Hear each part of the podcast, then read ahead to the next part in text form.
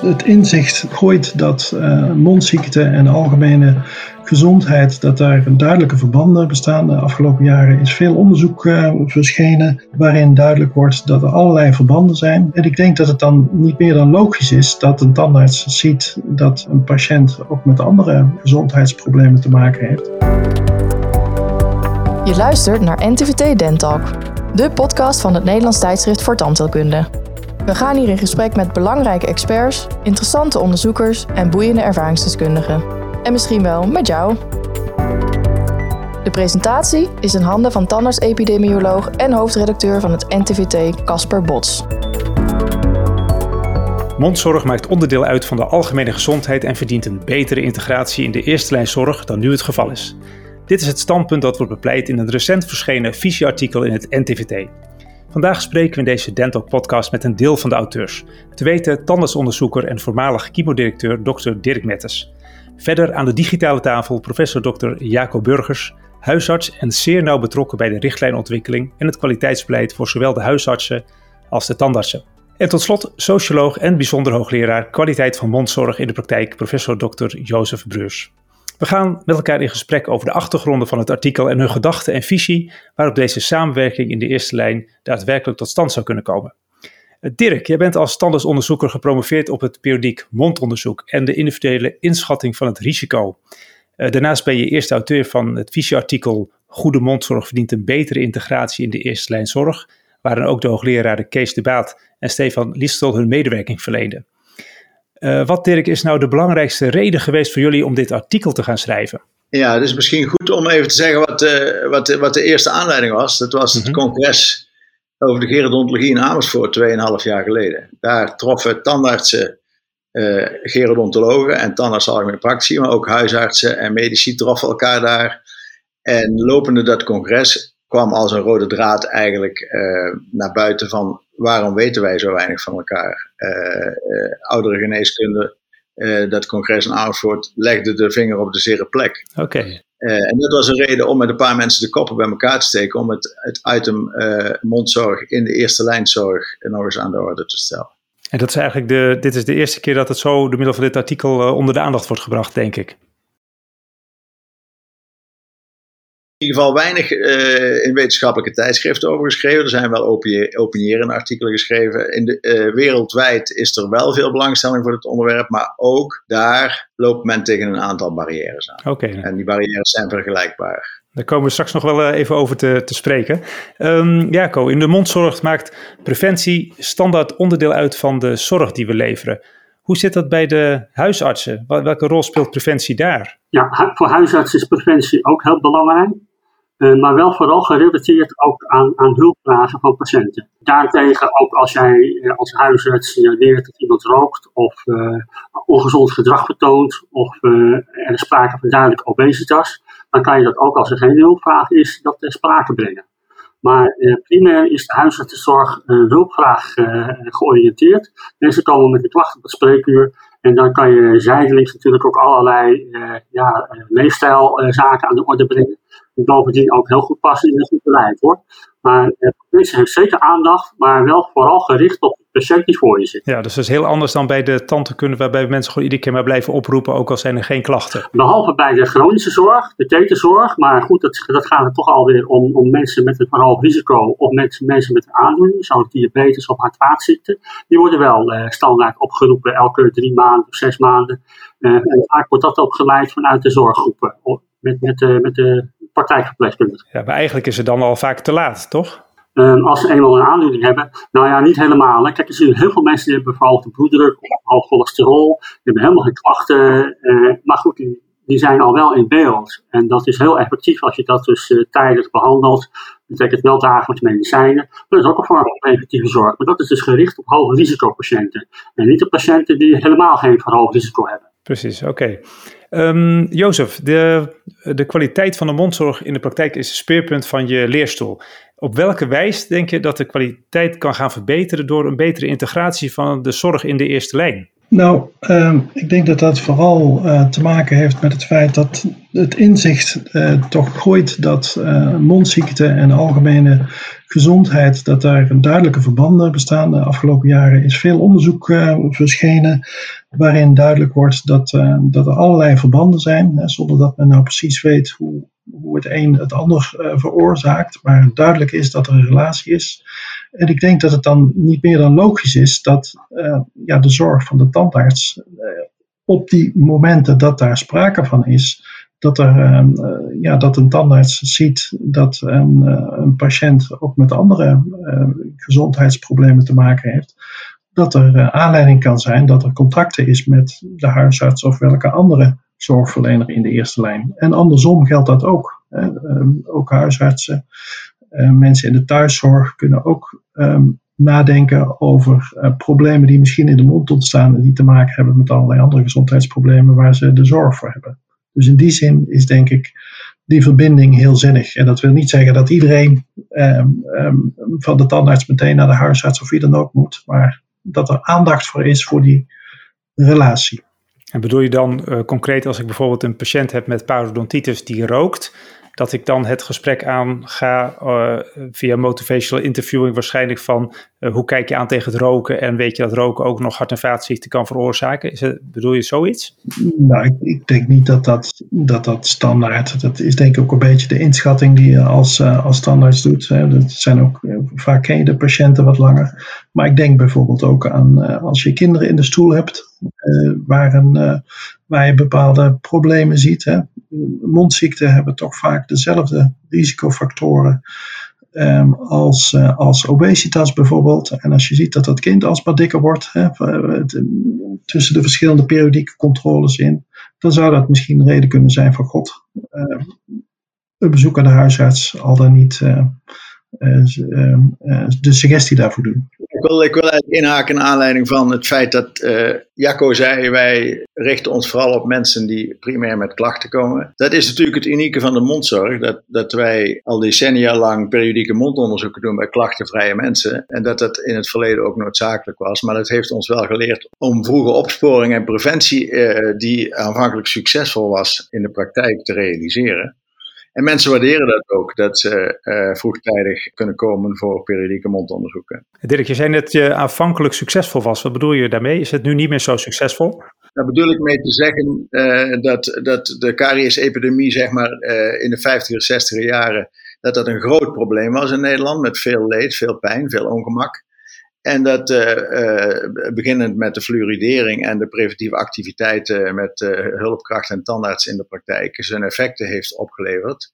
En dat we nu eigenlijk tegen grenzen aanlopen waarbij die preventieve inzet niet meer succesvol is. En wat ik aan Jozef toe zou willen voegen, daar, zijn we het wel over eens, ook de auteurs, dat de meeste mondziekten, die, zoals caries, parodontitis en, en erosieve slijtage, zijn allemaal terug te voeren uh, en onder te brengen bij welvaartsziektes waar andere eerste lijn zorgverleners ook mee geconfronteerd worden. En uh, preventie, dat is bekend uit het verleden, uh, is effectief als je interdisciplinair ook met elkaar, met de jeugdarts en de huisarts en de, en de preventieve medewerkers in de praktijk, laten we die vooral niet vergeten, Montigenistes en anderen.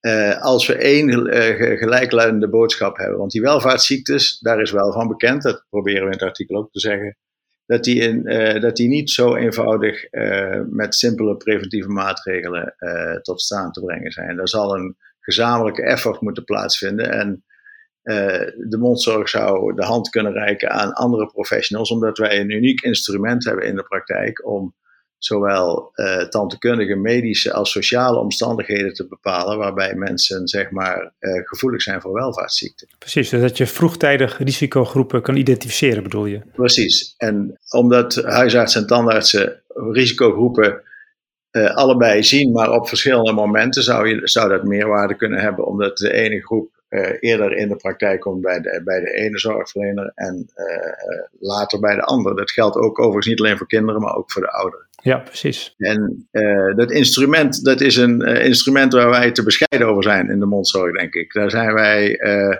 dat zou meer uitgedragen kunnen worden. En de tandarts zou zich daar ook meer op kunnen profileren, zodat de huisarts weet wat de tandarts doet. Dat is wat, wat mij het meest opgevallen is in dit traject van het maken van die publicaties met deze aangename auteurs, mede-auteurs, dat dat wij uh, ons beter zouden moeten verkopen over de vaardigheden en de kwaliteiten die wij te, te berden te brengen hebben in de, in de, in de eerste lijn. En uh, Dirk, je hebt het over het instrument, daar bedoel je het preventief mondonderzoek mee, uh, ja, denk ik, of ja. niet? Ja. Daar wil ik graag zo meteen nog wat meer over weten. Maar ik wil eigenlijk één stapje nog even, even terug naar die eerste lijns zorg. Dat is natuurlijk een begrip wat heel makkelijk zo in de mond ligt. Maar Jaco, wat wordt nu precies bedoeld met die eerste lijns zorg? Wat moeten we daaronder verstaan? Nou, dat is dat de, dat de patiënt of de cliënt uh, direct een afspraak kan maken bij, uh, bij de zorgverlener. Okay. Dus uh, dat geldt voor de huisarts. Hè. Elke Nederlandse burger is ingeschreven bij een huisarts, is, is, is ook verplicht verzekerd. En daar zit de, de huisarts zit daar, dus, zit daar dus bij, zonder bijbetaling. dus het is heel vrij toegankelijk, makkelijk toegankelijk, zonder al te lange wachttijden. Dus dat is, dat is eerste lijns de zorg. Ja, dus zonder barrière en zonder grenzen kan je bij zorgverlener uh, terecht. Ja, en bij de tweede hè, dus als je naar een medisch specialist moet, dan heb je verwijzing nodig van de huisarts. Dat is de zogenaamde poortwachtersrol. Dus de huisarts bepaalt of je, of je door mag. Precies, oké. En waarom is er op dit, dit, moment eigenlijk onvoldoende integratie in die, uh, in die eerste lijns uh, zorg, Dirk? Hoe, hoe zit dat? Nou ja, er is sprake van enige integratie, maar die is bescheiden. En uh, de waarom-vraag is een beetje moeilijk, maar uh, ik zal niemand verbazen als, uh, als ik zeg dat het beroep van tandarts en niet het beroep van mondarts, wat meer aan mondzorg gekoppeld zou zijn, maar het beroep van tandarts, natuurlijk een hoge tactiele en technische vaardigheid met zich meebrengt, die ook bepalend is voor datgene wat je aan competenties leert in de opleiding. En dat heeft tot fantastische, mooie uh, resultaten uh, geleid. Maar dat is maar één kant van het verhaal. Maar zeg je eigenlijk dat de tandartsen die opgeleid worden, dus eigenlijk, te, eigenlijk wat te technisch opgeleid zouden worden en wat meer een preventieve blik zouden moeten hebben? Nee, dat zou ik niet durven zeggen. Ik zou wel zeggen dat de opleiding primair technisch georiënteerd is en dat het op zich vanuit het verleden ook niet zo vreemd is. Maar um, dat we nu tegen grenzen aanlopen, en dat bedoel ik met name de risicogroepen jonge kinderen en ouderen, waarbij we met die techniek uh, uh, niet meer uh, de zorg die deze mensen nodig hebben kunnen bieden. Oké. Okay. En dat, dat, dat we daar dus ons, ons blikveld voor moeten verruimen. En dan, dan valt het woord, wat ik een lelijk woord vind, public health. Maar de belangstelling voor de gezondheid van de mond kan niet alleen ehm, teruggekoppeld worden op technische oplossingen. Ja, ik, ik, ik, las trouwens uh, dat uh, de World Health Organization uh, van de week of een paar weken geleden de mondzorg onderdeel heeft gemaakt van dat het een, een, een officieel erkend probleem kan zijn of iets dergelijks. Hebben jullie daar ook iets over gehoord toevallig? Zeker, want Stefan Liestel zit in die commissie namens Nederland en de universitaire en onderzoekerswereld. En het krijgt dus ook in, in dat soort gremia krijgt de mondzorg een meer volwassen, terecht volwassen gezicht. En uh, dat is uh, heel goed dat dat gebeurt, want daarmee kunnen wij ook ons profiel naar andere eerste lijn zorgverleners uh, optimaliseren. Dat zal eventjes duren natuurlijk, maar... Nou, daarbij is ook wel van belang dat geconstateerd wordt dat hele grote groepen van de bevolking, van de wereldbevolking, belast worden door, door mondziekte. Dat, dat, dat realiseert niet iedereen zich, maar er zijn grote groepen mensen die uh, ja, last hebben van karies. Ja, ik zag dat in Nederland iets van 12 miljoen mensen uh, karies uh, hebben, toch? In meer of mindere mate, ja. en ook de uitval, uh, dat is natuurlijk hier, hier maak je natuurlijk wel eens mee als je een patiënt hebt die bijvoorbeeld een absces heeft of zoveel pijn heeft dat hij niet naar zijn werk kan. Maar dat is wereldwijd, dus als je dat bij elkaar optelt, zijn het hele, is dat heel veel uitval en ook veel onnodig ja. pijn en, en ellende. Pijn en ongemak en, en, en, en dus ook ja, uh, niet voldoende aan de primaire behoeften uh, van uh, kwaliteit van zorg, om dat zoveel mogelijk te voorkomen natuurlijk. Ja, ik ben eigenlijk wel nieuwsgierig, Jacco, hoe jij als huisarts aankijkt tegen de mondzorg. Want net zegt Dirk, het is onderdeel van de public health. ja, hoe, hoe kijk jij aan tegen mondzorg, tandzorg of hoe je het ook wil noemen? Ja, allereerst mondzorg is, is toch een beetje een abstract begrip. Hè? Alles wat met de mond te maken heeft. Natuurlijk zien we ook uh, veel uh, patiënten met uh, klachten van de mond, keel, keelklachten, maar ook uitslag. Meestal als dat onschuldige gaat het vanzelf weer over. En als het echt gaat om het gebit, dan verwijzen wij gelijk naar de tandarts. En, en, dat is zo'n beetje wat wij zien aan, aan mondzorg. Maar ja, het leed wat door mondzorg veroorzaakt wordt, hè, pijnklachten, ontstekingen, uh, vaak worden we daar ook mee geconfronteerd in de, in de avond- en weekenddienst. Uh, ja. dat, dat, er infecties zijn of inderdaad onbehandelbare pijn. En dan moet de huisarts dat oplossen. En dan, dan, dan krijg je wel uh, soms een beetje zo van, ja, waarom doet de tandarts dat niet? Hè? Uh, ja. Wordt geklaagd over bereikbaarheid. soms wel eens een beetje wat, wordt, wordt er onder de over en weer wat, wat geklaagd over, over elkaar. Dus ik denk dat, dat in dat opzicht de samenwerking een stuk nog kan verbeteren.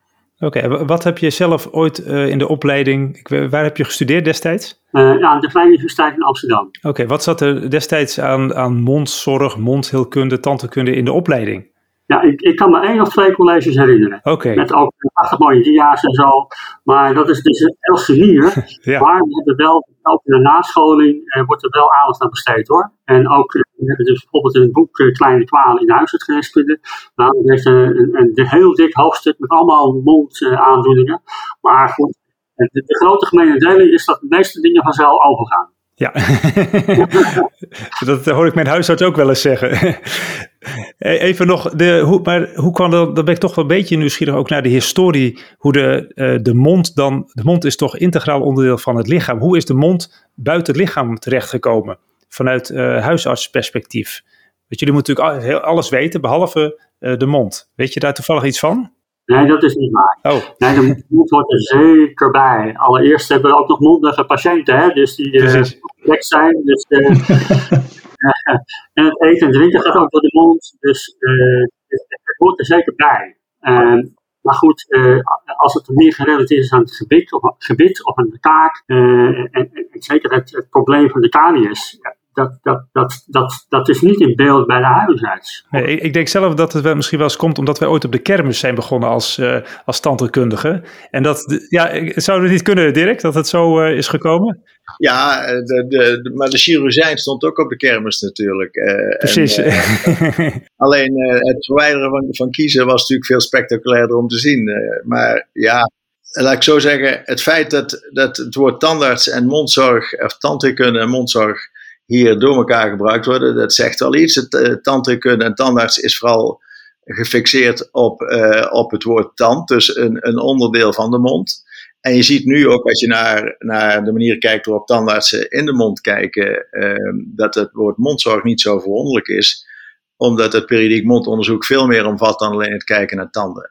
En het feit dat daar veel kennis en expertise is opgebouwd in de, door tandartsen en mondhygiënistes, uh, zou meer bekend moeten worden bij de andere eerste lijn zorgverleners. En dat kan alleen als we met elkaar in gesprek raken. En dat is ook waarom wij pleiten in dit artikel om het vooral ondersteund door, door, door landelijk, maar vooral op regionaal niveau de initiatieven uh, uh, te ontwikkelen met elkaar. Precies, want er gebeurt ook al heel veel goeds toch op dit, uh, dit terrein? Ja, precies, precies. Kan je voorbeelden geven van dingen die er momenteel spelen, waar die samenwerking echt al gestalte heeft gekregen? Nou ja, uh, er zijn, uh, ik weet dat hier in, in Zertogenbos, in de buurt waarin ik woon, zijn een aantal tandartsen zeer actief om een, totaalpakket van mondzorg aan te bieden in samenwerking met andere eerste lijnzorgverleners. Die hebben daar hun, hun hele praktijkopzet op gericht. Dus die mensen zijn in principe gespecialiseerd. Maar het zou goed zijn als de collega's, zowel de huisarts als de tandartsen in die regio, uh, daar ook wat meer van op de hoogte zouden zijn. En ik wil een klein bruggetje maken. Hoe kun je met elkaar in gesprek raken als je ver van elkaar functioneert? En dat geldt ook voor de jeugdarts. Dat is op die gebieden waar knelpunten zijn in de zorg, met elkaar van gedachten te wisselen. En uh, iedereen weet natuurlijk dat ik uh, actief geweest ben op het gebied van structurele richtlijnontwikkeling. Niet omdat ik zo'n, zo, zo geloof in de heiligheid van richtlijnen, maar wel omdat dat kennisdocumenten zijn die mensen met elkaar in gesprek kunnen brengen. En nu, nu wij tandartsen ook een aantal interdisciplinaire richtlijnen hebben op het gebied van antitrombotica, op het gebied van ouderenzorg, op het gebied van antibiotica, kunnen wij met de huisartsen en met de jeugdartsen ook over die documenten van gedachten wisselen hoe we daar effectief met elkaar eh, mee om zouden moeten gaan. Daar zou je wat, wat scholing ook op kunnen richten. Dat zou een standpunt kunnen zijn. Jacco, hoe kijk jij daar tegenaan?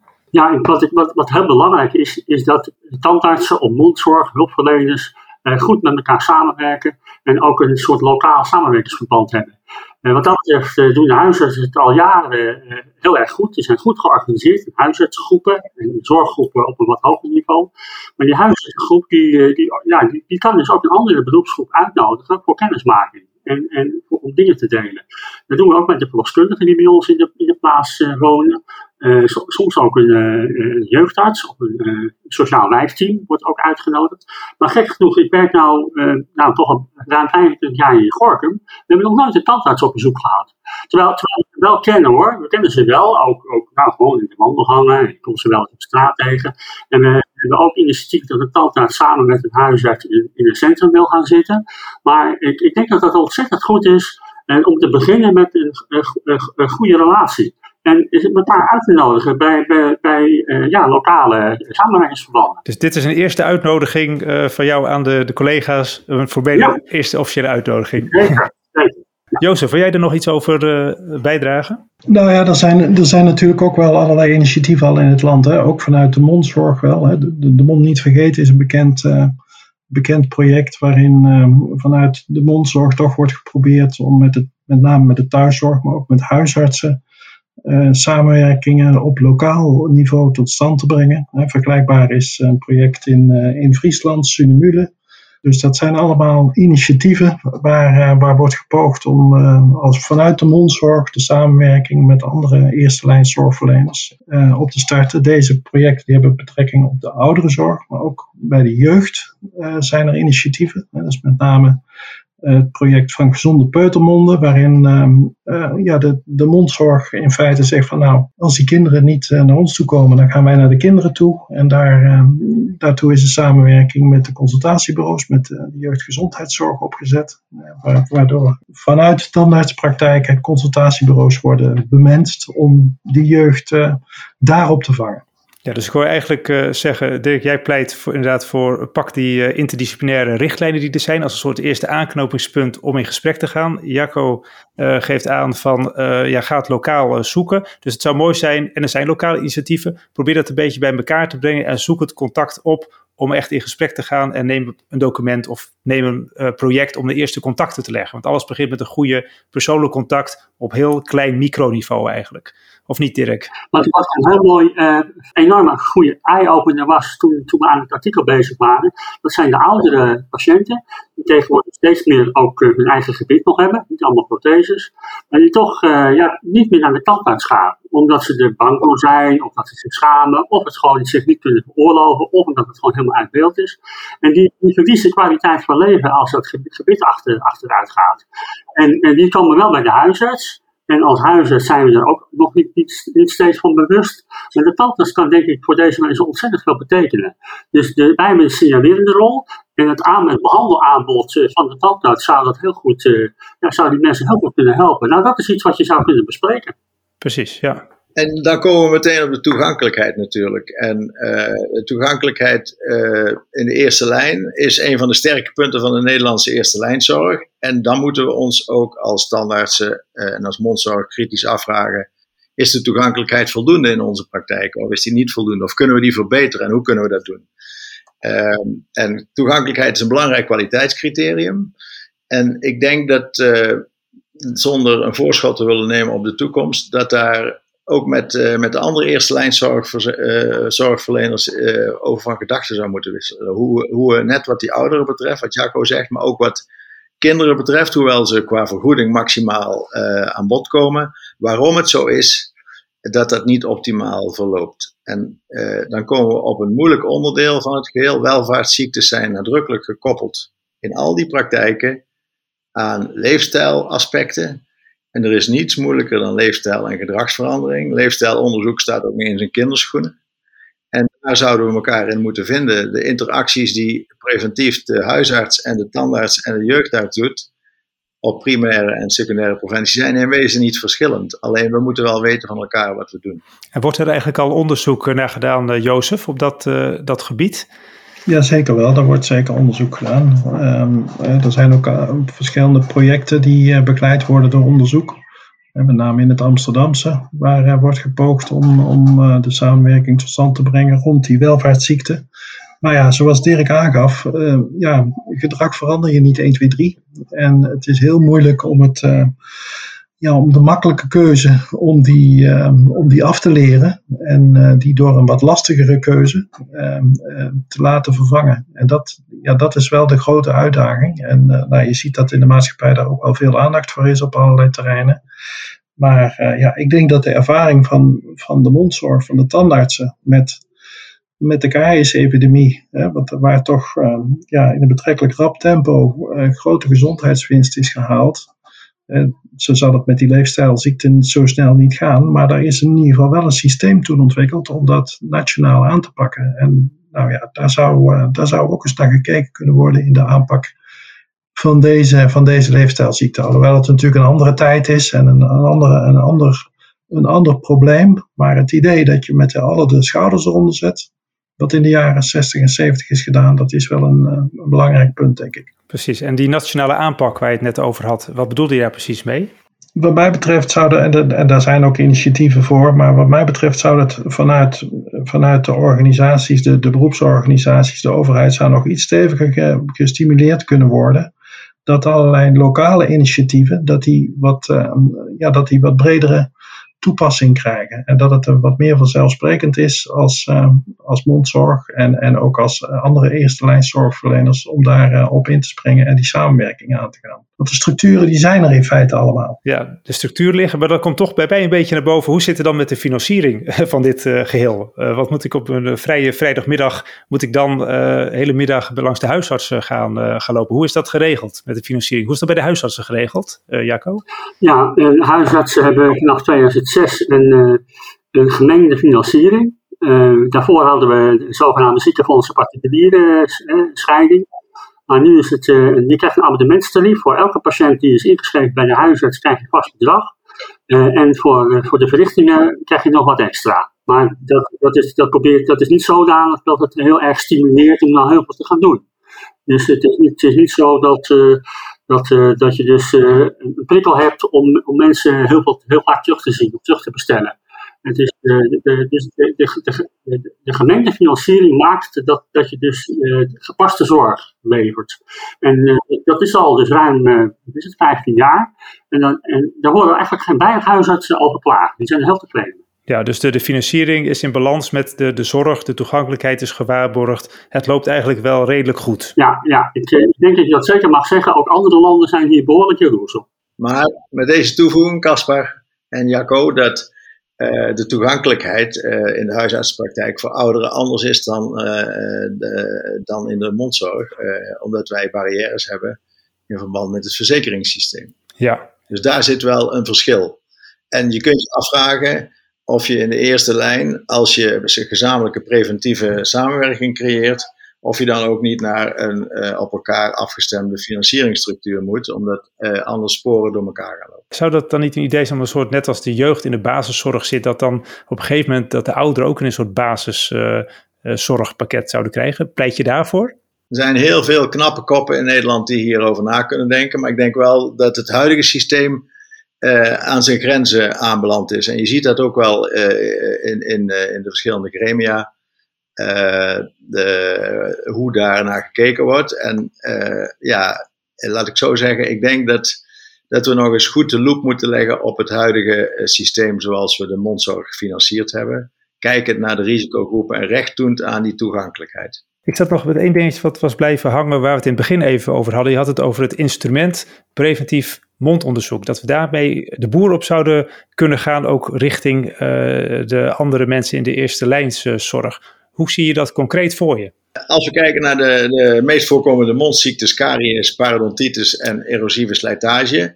En je maakt een individueel risicoprofiel van een patiënt. Dat kunnen wij in de praktijk. We moeten misschien nog wat verbeteren op hoe we dat in een administratief systeem vastleggen. Maar we maken een individueel risicoprofiel.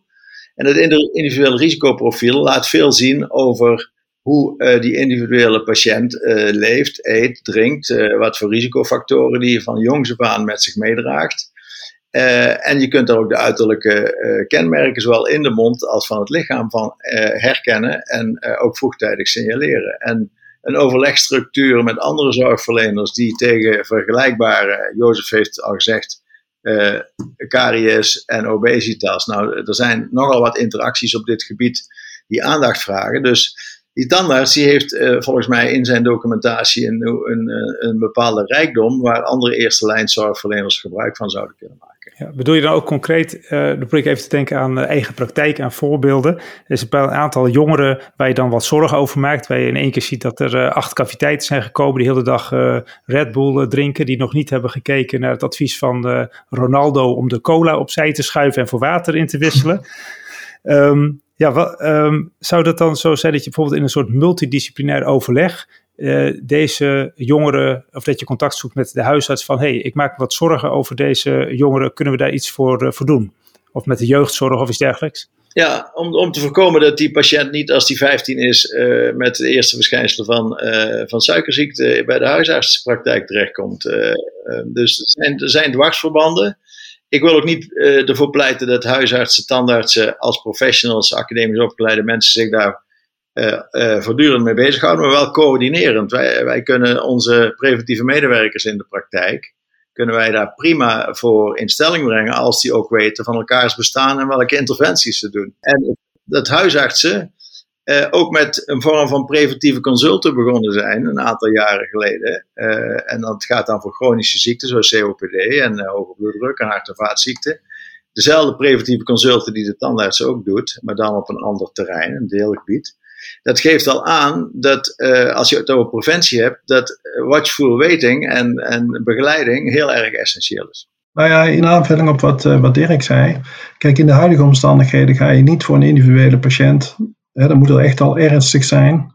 Wil je de huisarts opbellen. Maar als je met elkaar een soort van samenwerking tot stand brengt. En ook zoals Dirk zegt, misschien met, met inzet van preventieassistenten, mondhygiënisten dan is een dergelijk contact misschien minder vreemd om dat te doen. Want dan, en dan hoeft het ook niet over die individuele patiënt te gaan, maar meer in zijn algemeenheid over patiënten van een met dergelijke problematiek. En dan uh, kun je toch de afstemming wat, uh, wat nadrukkelijker zoeken. Ja, ik, ik zit te denken inderdaad aan zoiets dergelijks. Uh, in het dorp waar ik zelf werk hebben we twee keer zo'n bijeenkomst met huisartsen meegemaakt. En toen hoorde ik daar dat er uh, een project was om mensen van roken af te, af te helpen. Uh, in een ziekenhuis bij ons in de buurt. En toen dat had gehoord, heb ik meerdere mensen eigenlijk daarna die anti-rookpolie gestuurd. Ja. Zoiets bedoel je denk ik concreet, hè? Ja, zoiets, ja. Ja, ja, lokale initiatieven, dat je, uh, of mensen van drugs af te helpen enzovoort. Ja, het begint eigenlijk gewoon met uh, het überhaupt in contact komen met elkaar. Eigenlijk op microniveau gaan beginnen. Het, kleine, het gebeurt uiteindelijk in de haarvaatjes van onze dagelijkse, dagelijkse zorg om dit concreet te doen. En daarnaast moet het kader eromheen natuurlijk goed geregeld zijn. Moet de financiering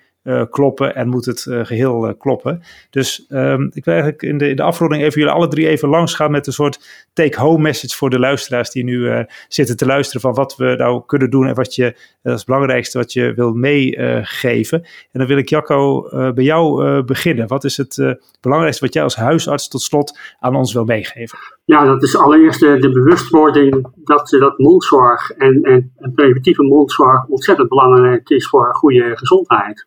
En dat we allebei een signalerende rol hebben. En we hebben de, de kinderen genoemd, we hebben de ouderen genoemd. En er zit nog een heel, grote groep volwassenen bij. En denk ook nog even aan mensen met een, uh, ja, die bijvoorbeeld, waar het, het gewoon vaker en meer voorkomt. Uh, daar zou je ook allerlei uh, projecten nog voor kunnen uitzetten. Ik denk ook even aan dat, dat heel veel mensen angst hebben voor een tandarts. Of, of zich echt schamen. Of bang zijn dat ze op ongezond gedrag worden aangesproken. Het is best wel een complex probleem hoor. Maar ik, ik zou het heel mooi vinden als we elkaar samen daarin weten te vinden. Ja, en hoe zit dat voor jou Jozef? Wat is jouw droom? Wat is jouw de belangrijkste boodschap? Nou ja, ik wil niet zeggen dat het meteen mijn droom is, maar, maar ik, ik, ik vind het altijd jammer dat, dat, dat, de tandarts in zijn algemeenheid eigenlijk te weinig laat zien wat voor werk dat ze doen. En dat ze eigenlijk um, ja, heel dicht op de patiënt zitten, hè? zowel uh, fysiek als, um, als, als uh, meer figuurlijk. Ze weten best wel veel van, uh, van patiënten en vaak ook van het gezin. En ja, het is eigenlijk jammer dat dat, dat, dat in, de, in de hele gezondheidszorg en in de, de, de kwaliteit van leven, dat dat onvoldoende benut wordt. En tandartsen hebben denk ik voor de, voor de, voor de maatschappij op dat gebied meer te bieden dan dat ze nu uh, uh, laten zien. En dat, daar zitten echt mogelijkheden om, uh, ja, beter maatschappelijk naar buiten te komen. Ja, oké. En Dirk, hoe gaan we dat doen? Ja, hoe gaan we dat doen? Ik denk, uh, laten we beginnen met, uh, met zoals het woord huisarts bestaat, het woord huisstandaards nog eens van stal te halen. Omdat het aangeeft dat de, de positie van, van, van de tandarts in de eerste lijn gemarkeerd wordt rondom dezelfde populatie als waarop de huisarts functioneert. Dat zou volgens mij een signaal zijn. Daarmee kun je ook in de eerste lijn jezelf meer profileren. En wij, wij zouden dat wat meer aan moeten durven. We hebben de kennis, we zijn opgeleid, we hebben medisch-wetenschappelijk onderwijs genoten. En het beeld van de tandarts die alleen maar wat schroefjes en draadjes en, uh, en, en, en borenactiviteiten uit, uitoefent, daar moeten, we, daar moeten we verandering in aanbrengen. Dat zou mijn droom zijn, om dat beeld te laten kantelen omdat ook uiteindelijk er maar één persoon beter van wordt. En dat is die persoon die in de eerste lijn primaire hulp zoekt. En het is voor patiënten soms heel moeilijk uh, om, het, om de interactie tussen tandarts en eerste lijns artsen, om die, die te vinden. Uh, en uh, ja, we hebben meer te bieden. En ik ben het met Jozef en Jacco eens. er liggen kansen. En wij doen een aantal bescheiden voorstellen, maar vooral moet het uit uh, de interactie tussen personen gaan, denk ik. Oké, we gaan ermee aan de slag. um, nou, ontzettend uh, bedankt. We zijn hiermee aan het einde gekomen van deze Dentalk podcast over de integratie van goede mondzorg in de eerste lijnzorg, waar we in gesprek waren met Dirk Mettes, Jacob Burgers en Jozef Breurs. Bedankt voor het luisteren en heel graag tot de volgende keer. Dit was NTVT Dentalk, de podcast van het Nederlands tijdschrift voor tandheelkunde. Heb je tips of leuke vragen voor ons? Laat het ons weten via redactie.ntvt.nl. Bedankt voor het luisteren en graag tot de volgende keer.